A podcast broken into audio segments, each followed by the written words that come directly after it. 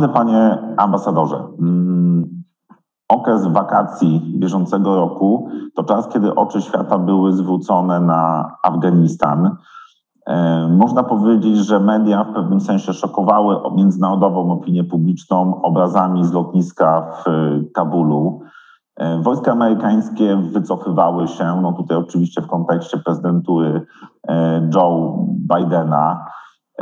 I cały świat stawiał sobie bardzo wiele pytań. Te pytania miały oczywiście naturę humanitarną, ale miały też naturę, byśmy powiedzieli, bardziej geopolityczną. I tutaj chciałem Pana poprosić jakby o podzielenie się swoją perspektywą. Czy uzasadnione jest poszukiwanie pewnych analogii pomiędzy tym, co obserwowaliśmy przy wycofaniu się Amerykanów z Afganistanu do sytuacji, kiedy musiał wycofać się Związek Radziecki podczas e, ostatniej operacji. No i czy też jest to pewien sygnał, który albo już oznacza, albo w jakiejś perspektywie czasu może oznaczać E, zakończenie systemu jednobiegunowego rozumianego jako Pax Americana.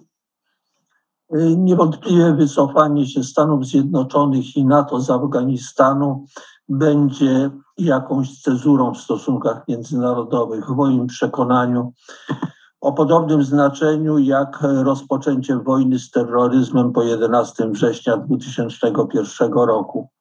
I będzie miało rozliczne konsekwencje zarówno dla samego Afganistanu, dla bezpośredniego regionu, sąsiedztwa tego kraju, ale również dla stosunków globalnych, w tym tego, co w tej chwili w tych stosunkach jest najważniejsze, a mianowicie rywalizacji przechodzącej we wrogość między Stanami Zjednoczonymi a tym pretendentem do hegemonii światowej, który w tej chwili wyrasta, czyli Chinami. Oczywiście rozwój wydarzeń jest nieprzewidywalny, Natomiast y, sam Afganistan i to zarówno te wydarzenia, z których, których świadkiem, y, świadkami byliśmy w tym roku, jak i cały okres dwóch dekad zaangażowania NATO w Afganistanie jest świetnym materiałem do badania relacji w stosunkach międzynarodowych, wzajemnych powiązań, konsekwencji. W moim przekonaniu Stany Zjednoczone uczyniły krok, który jest racjonalny i który w danej sytuacji był konieczny. E, wyrażałem od początku zdziwienie opiniami wielu polityków i analityków, którzy byli rzekomo zaskoczeni tym, co się stało. Dla uważnego obserwatora sceny politycznej, e, to, co się działo w Afganistanie, było już od dłuższego czasu e, punktem wyjścia do przewidywania, co jest, e, co nastąpi dalej. W 2013 roku Stany Zjednoczone zwróciły się do państwa Katar o zaaranżowanie rozmów z talibami. I one się odbywały w Katarze sukcesywnie. W zasadzie wiadomo było od samego początku, że Stany Zjednoczone ten kraj będą musiały opuścić. Z dwóch podstawowych względów. Ponieważ same założenia zarówno walki z terroryzmem, jak i budowy bardziej nowoczesnego, liberalnego i demokratycznego państwa e, w e, Afganistanie były od początku po prostu zadaniem w zasadzie niemożliwym do zrealizowania w jakimś racjonalnym terminie. I po drugie, e, to była strasznie kosztowna wojna. W Stanach Zjednoczonych oblicza się, że amerykański, budżet, amerykański podatnik zapłacił za tę wojnę może 7, może 7,5 tysięcy miliardów dolarów łącznie. A jeżeli do tego dodać, że przynajmniej 3-4 tysiące miliardów dolarów kosztował Irak i okolice, to można się rzeczywiście zastanawiać, czy nawet tak bogate państwo jak Stany Zjednoczone nie dochodzi w pewnym momencie do granic swoich możliwości finansowych, ale również e, mających odzwierciedlenie w nastrojach opinii publicznej i nie powinno zmienić sytuacji. Co więcej, zarówno zaangażowanie w Afganistanie, ale również i może przede wszystkim związana z nim wojna z terroryzmem, była tym czynnikiem, który w jakimś stopniu zahipnotyzował kolejne administracje amerykańskie, e, zmniejszając ich zainteresowanie w rzeczywistości ważniejszymi problemami. W warunkach w sytuacji globalnej to przede wszystkim wzrost Chin, ale jeśli chodzi o sytuację wewnętrzną w Stanach Zjednoczonych, to poważne napięcia społeczne, problemy gospodarcze, problemy infrastrukturalne, które w jakimś stopniu podkopywały e, tę legitymację Stanów Zjednoczonych do hegemonii w świecie, do występowania jednoosobowo e, w stosunkach międzynarodowych, którą uzyskały po e, zwycięstwie w zimnej wojnie. Także wracając do samego pytania, wycofanie się było oczywiste. Natomiast y, samo zorganizowanie ewakuacji no było niestety chaotyczne. Prawdopodobnie również y, związane było to z złymi ocenami wywiadu co do zdolności talibów do szybkiego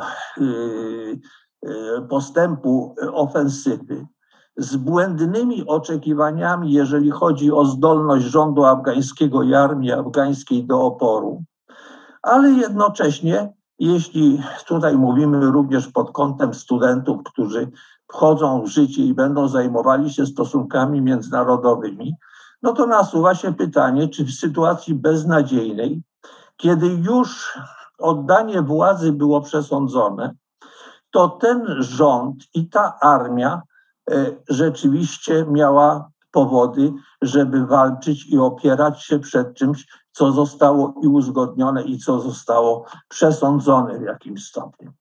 E, innym elementem, który również tutaj nasz w Polsce bardzo dotyczy, bo przecież byliśmy e, solidnym sojusznikiem Stanów Zjednoczonych i członkiem NATO, który uczestniczył w operacji, w operacji afgańskiej, zginęło 43 polskich żołnierzy. Kilka miliardów nas kosztował e, ten udział. Jest to, co zostawiliśmy w Afganistanie. I to jest temat w ogóle na odrębną pewnie rozmowę.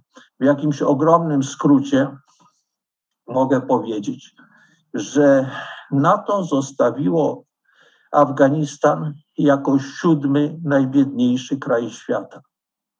Kraj, w którym połowa populacji musiała, żyła poniżej granicy nędzy i musiała korzystać z pomocy międzynarodowej. Kraj ze zdruzgotaną gospodarką, który praktycznie rzecz biorąc prawie nic nie eksportował, e, natomiast e, wszystkie podstawowe towary importował.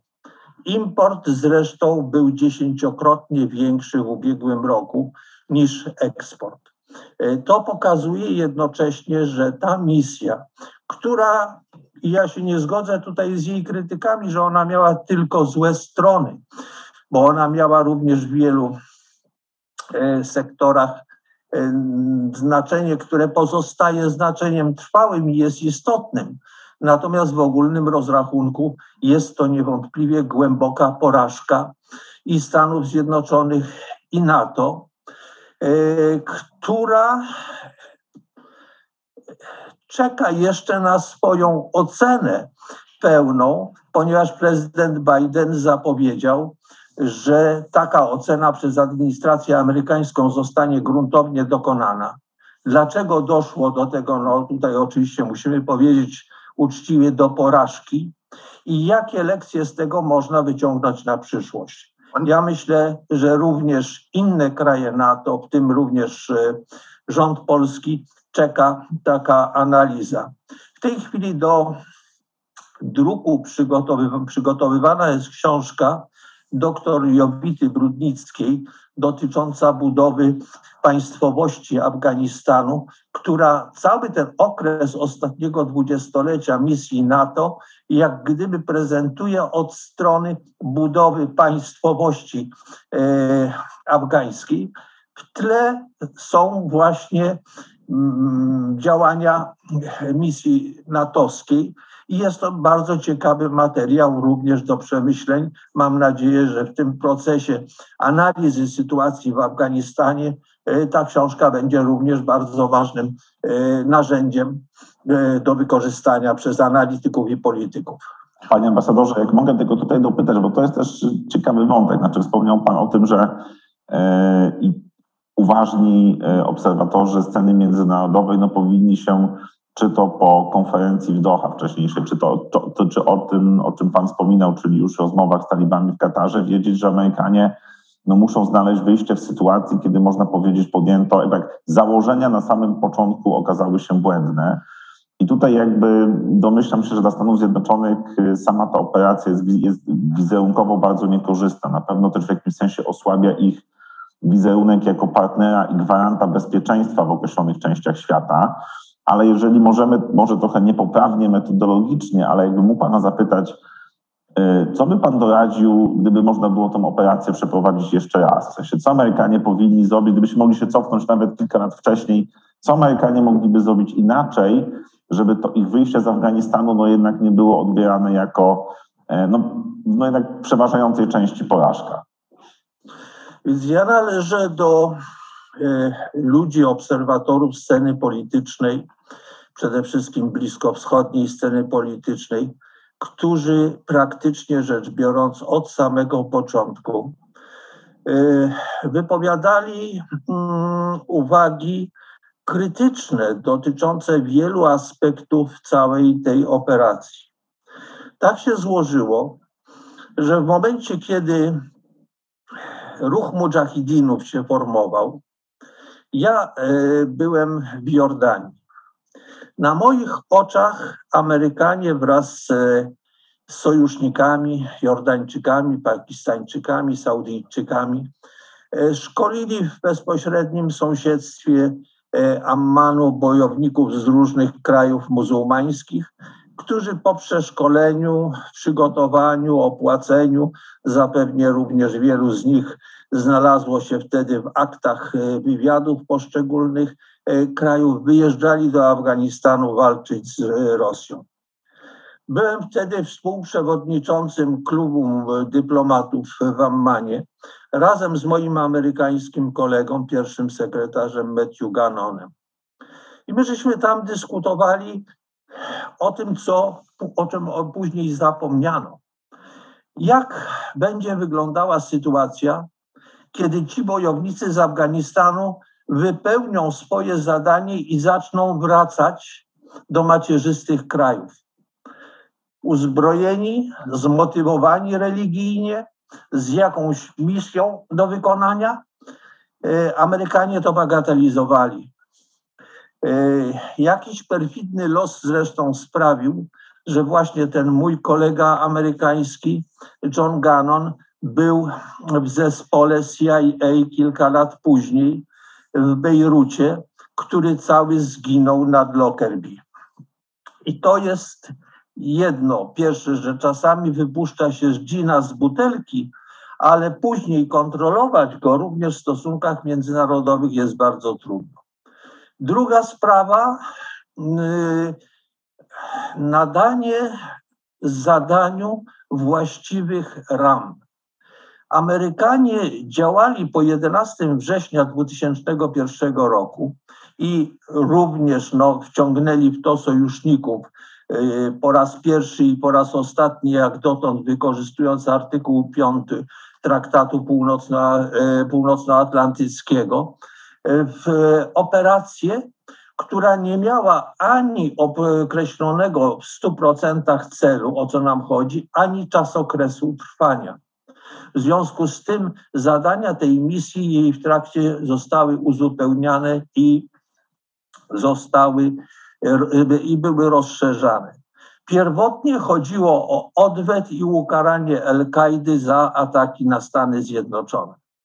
Ale to w zasadzie oznaczało operację odwetową, która praktycznie rzecz biorąc została zrealizowana już w pierwszym okresie działalności.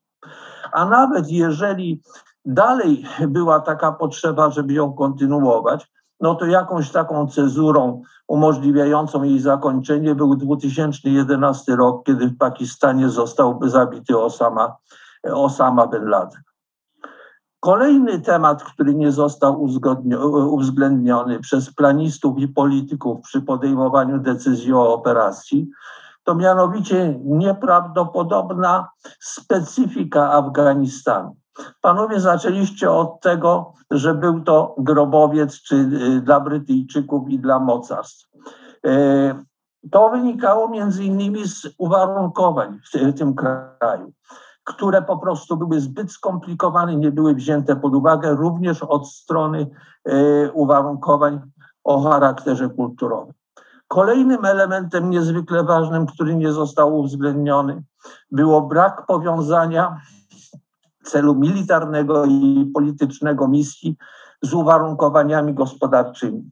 To doprowadziło do tego, że niezależnie od postępu w innych dziedzinach, zagrożenie bezpieczeństwa, problemy związane z ruchem e, talibów, z jego siłą, problemy związane z poparciem dla misji natowskiej ze strony szerokich, szerokich grup społeczeństwa afgańskiego to wszystko nie zostało zapewnione. I ostatnia sprawa spośród bardzo wielu, które jeszcze można byłoby tu wymieniać, to jest to, że skoncentrowanie na Afganistanie połączone jednocześnie z interwencją w Iraku, z działaniami w innych krajach, w ostateczności spowodowało nie tyle wyeliminowanie terroryzmu o podłożu islamskim jako e, zjawiska w narzędziach międzynarodowych, a ja mówię również jako narzędzia w stosunkach międzynarodowych, ale do rozpowszechnienia tej zarazy po całym świecie i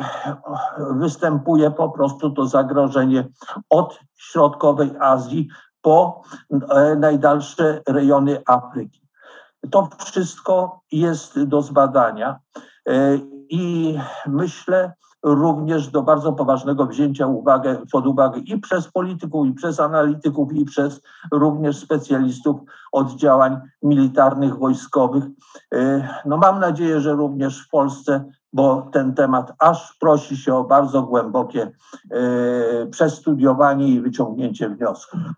I myślę, że tak będzie, panie ambasadorze. Wspomniał pan o, o, jednej pracy, ale sam fakt, że Polska była zaangażowana militarnie w Afganistanie, zapewne przełoży się na to, że y, i również u nas będzie toczyła się debata na temat y, znaczenia tej misji i jej konsekwencji. A ja bym chciał wrócić do, do, do, do dzisiejszej chwili, do roku 2021, bo świat patrzy z uwagą i zastanawia się, co teraz stanie się w Afganistanie.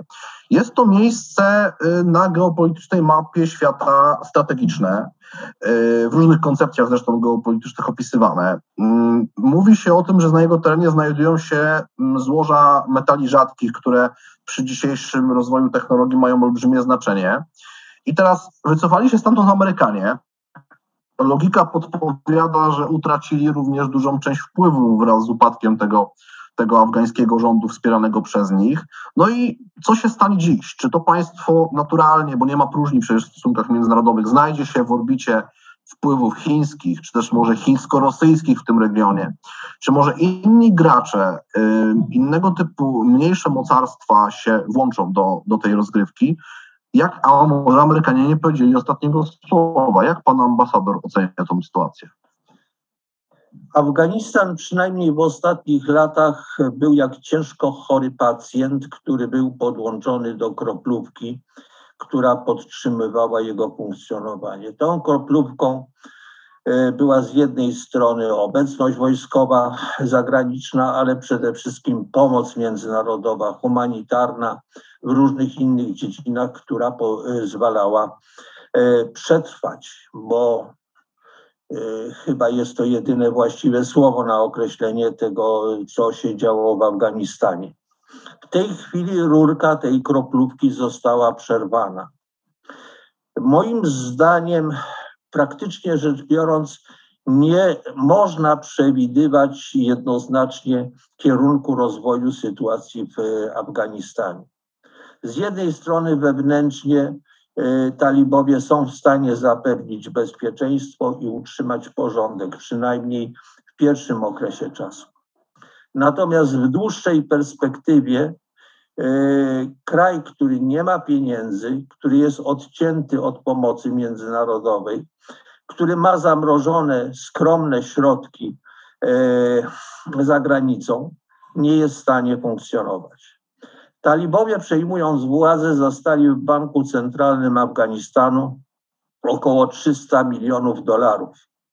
To jest mniej więcej tyle, co prezydent Biden podał, że kosztował w niektórych y, okresach y, jeden dzień amerykańskiego zaangażowania w Afganistanie.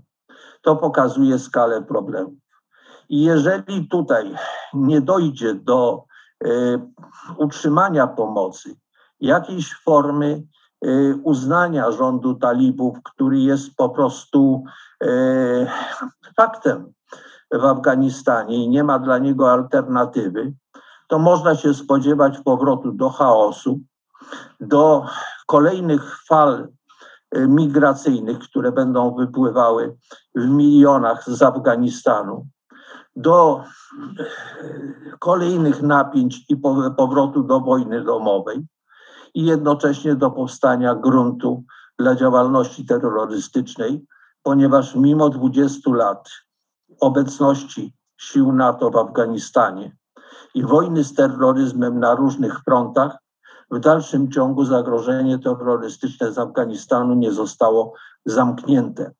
W tej chwili e, zastępca sekretarza obrony w niedawnym wystąpieniu w Senacie amerykańskim mówił, że państwo islamskie, jego komórki działające w Afganistanie, potrzebują jednego do dwóch miesięcy, żeby przeprowadzić akcję terrorystyczną na terenie Stanów Zjednoczonych, zaś komórki e, Al-Kaidy, która tam również funkcjonuje, mogłyby taką akcję przeprowadzić w ciągu sześciu miesięcy. Trochę może się nasuwa tutaj pytanie, skąd wywiad amerykański y, no, zrobił się taki w tej chwili, y, y, zdobył takie rozeznanie, jak jeszcze niedawno trudno było ustalić, kiedy talibowie wtargną do Kabulu. No ale pozostawmy to, bo rzeczywiście problem istnieje. Druga sprawa, jeśli nie nastąpi w Afganistanie stabilizacja, to będzie również oznaczało, że ten kraj nie będzie mógł rozpocząć procesu e, odbudowy gospodarki. A tutaj myślę, że jeszcze raz warto wspomnieć, że posiada Afganistan największe nieeksploatowane złoża większości surowców, w tym również strategicznych metali ziem rzadkich, które są no w tej chwili elementem krwioobiegu gospodarki światowej, jeżeli chodzi o wysokie technologie, sztuczną inteligencję i te najbardziej zaawansowane, zaawansowane przemysły. I z kolei, jeżeli popatrzymy na otoczenie Afganistanu, można powiedzieć, że wszystkie kraje w sąsiedztwie są zainteresowane stabilizacją, ponieważ boją się destabilizacji, która może w każdej chwili napłynąć do, do nich ze strony Afganistanu.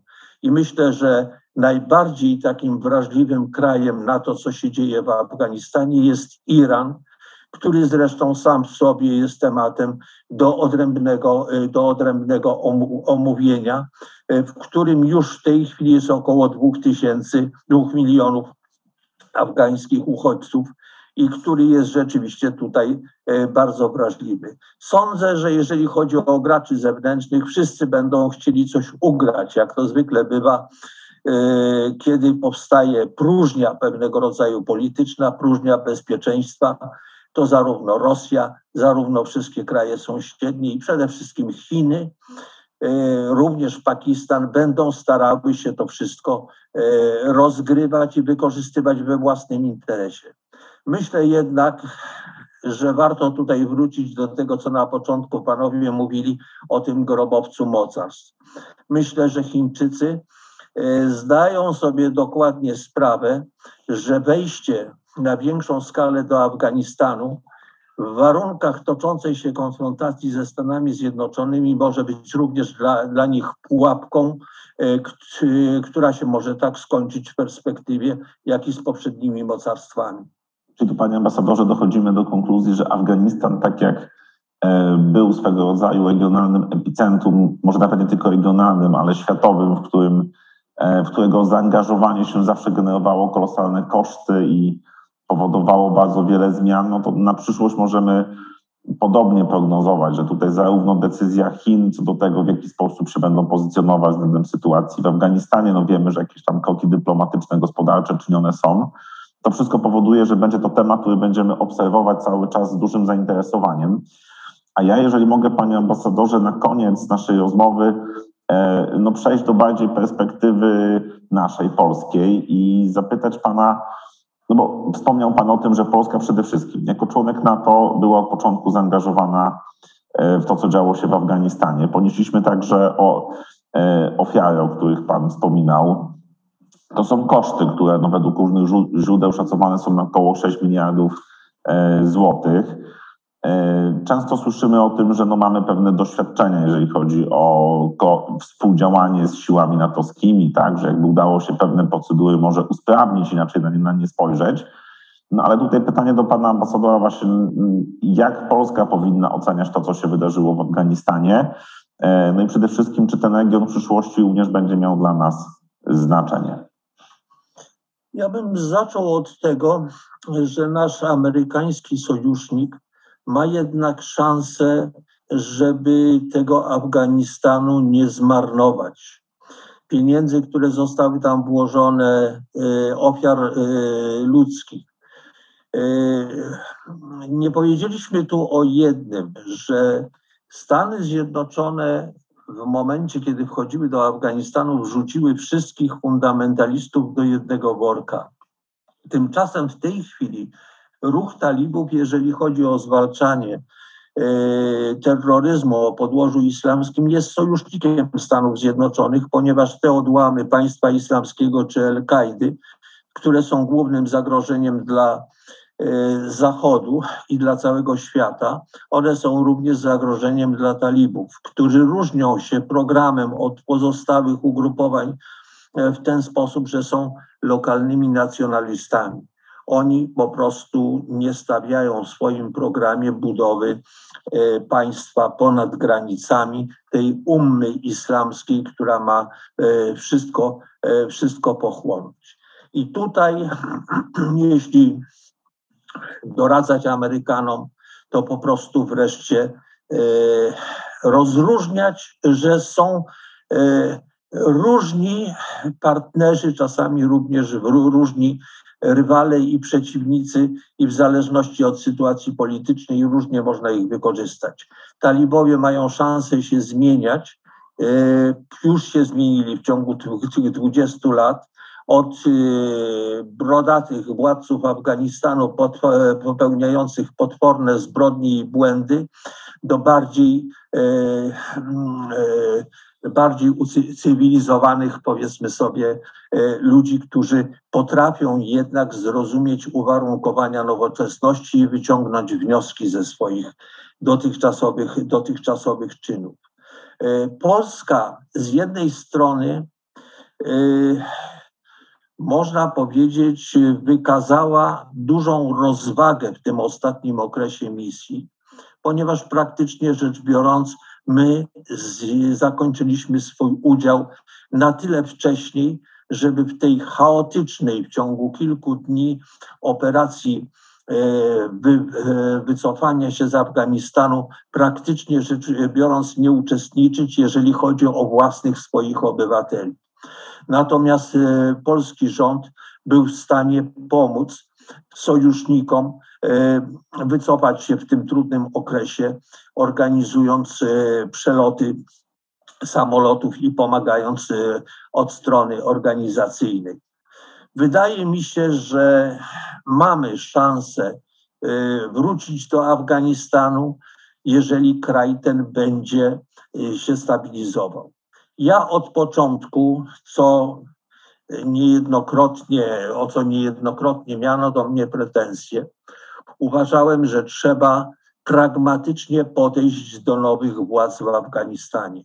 Raz mając świadomość no, również odpowiedzialności natowskiej i naszej za poprzedni okres, która się przekłada chociażby na rzesze uciekinierów z Afganistanu, uchodźców, którzy krążą po całym świecie, ale również mając na uwadze możliwości gospodarcze, jakie tam mamy, powrotu y, polskich przedsiębiorstw, y, udziału w eksploatacji bogactw naturalnych, we współpracy, wykorzystaniu również tego dorobku, który polski kontyngent wojskowy tam uzyskał, już nie tylko kontakty, które w dużej części zostały przerwane, ale właśnie świadomość realiów irańskich, irackich i afganistańskich, afgańskich, zrozumienia, zrozumienia tego, co się tam rzeczywiście dzieje. A trzeba powiedzieć, że Afganistan, mimo odległości, to również w okresie II Rzeczypospolitej był krajem, w którym zostały zaangażowane poważne interesy gospodarcze Polski, e, które tam były pamiętane bardzo długo.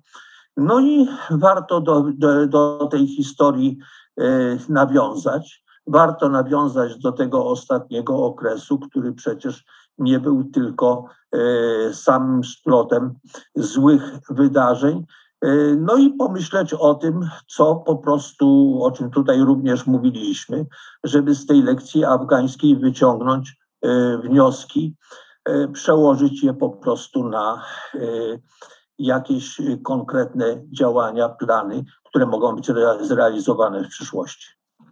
Panie ambasadorze, mówiliśmy o porażce Zachodu, mówiliśmy o tym, że Afganistan to będzie prawdopodobnie cenzura, Pana zdaniem, taka na miarę ataków na World Trade Center, cezura w współczesnych stosunkach międzynarodowych.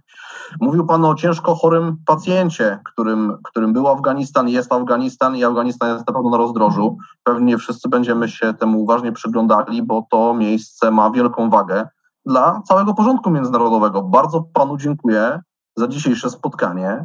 No i mam nadzieję, że może jeszcze kiedyś uda nam się za kilka może lat albo miesięcy nawet skomentować to, co się w Afganistanie niewątpliwie dynamicznie, ale będzie działo.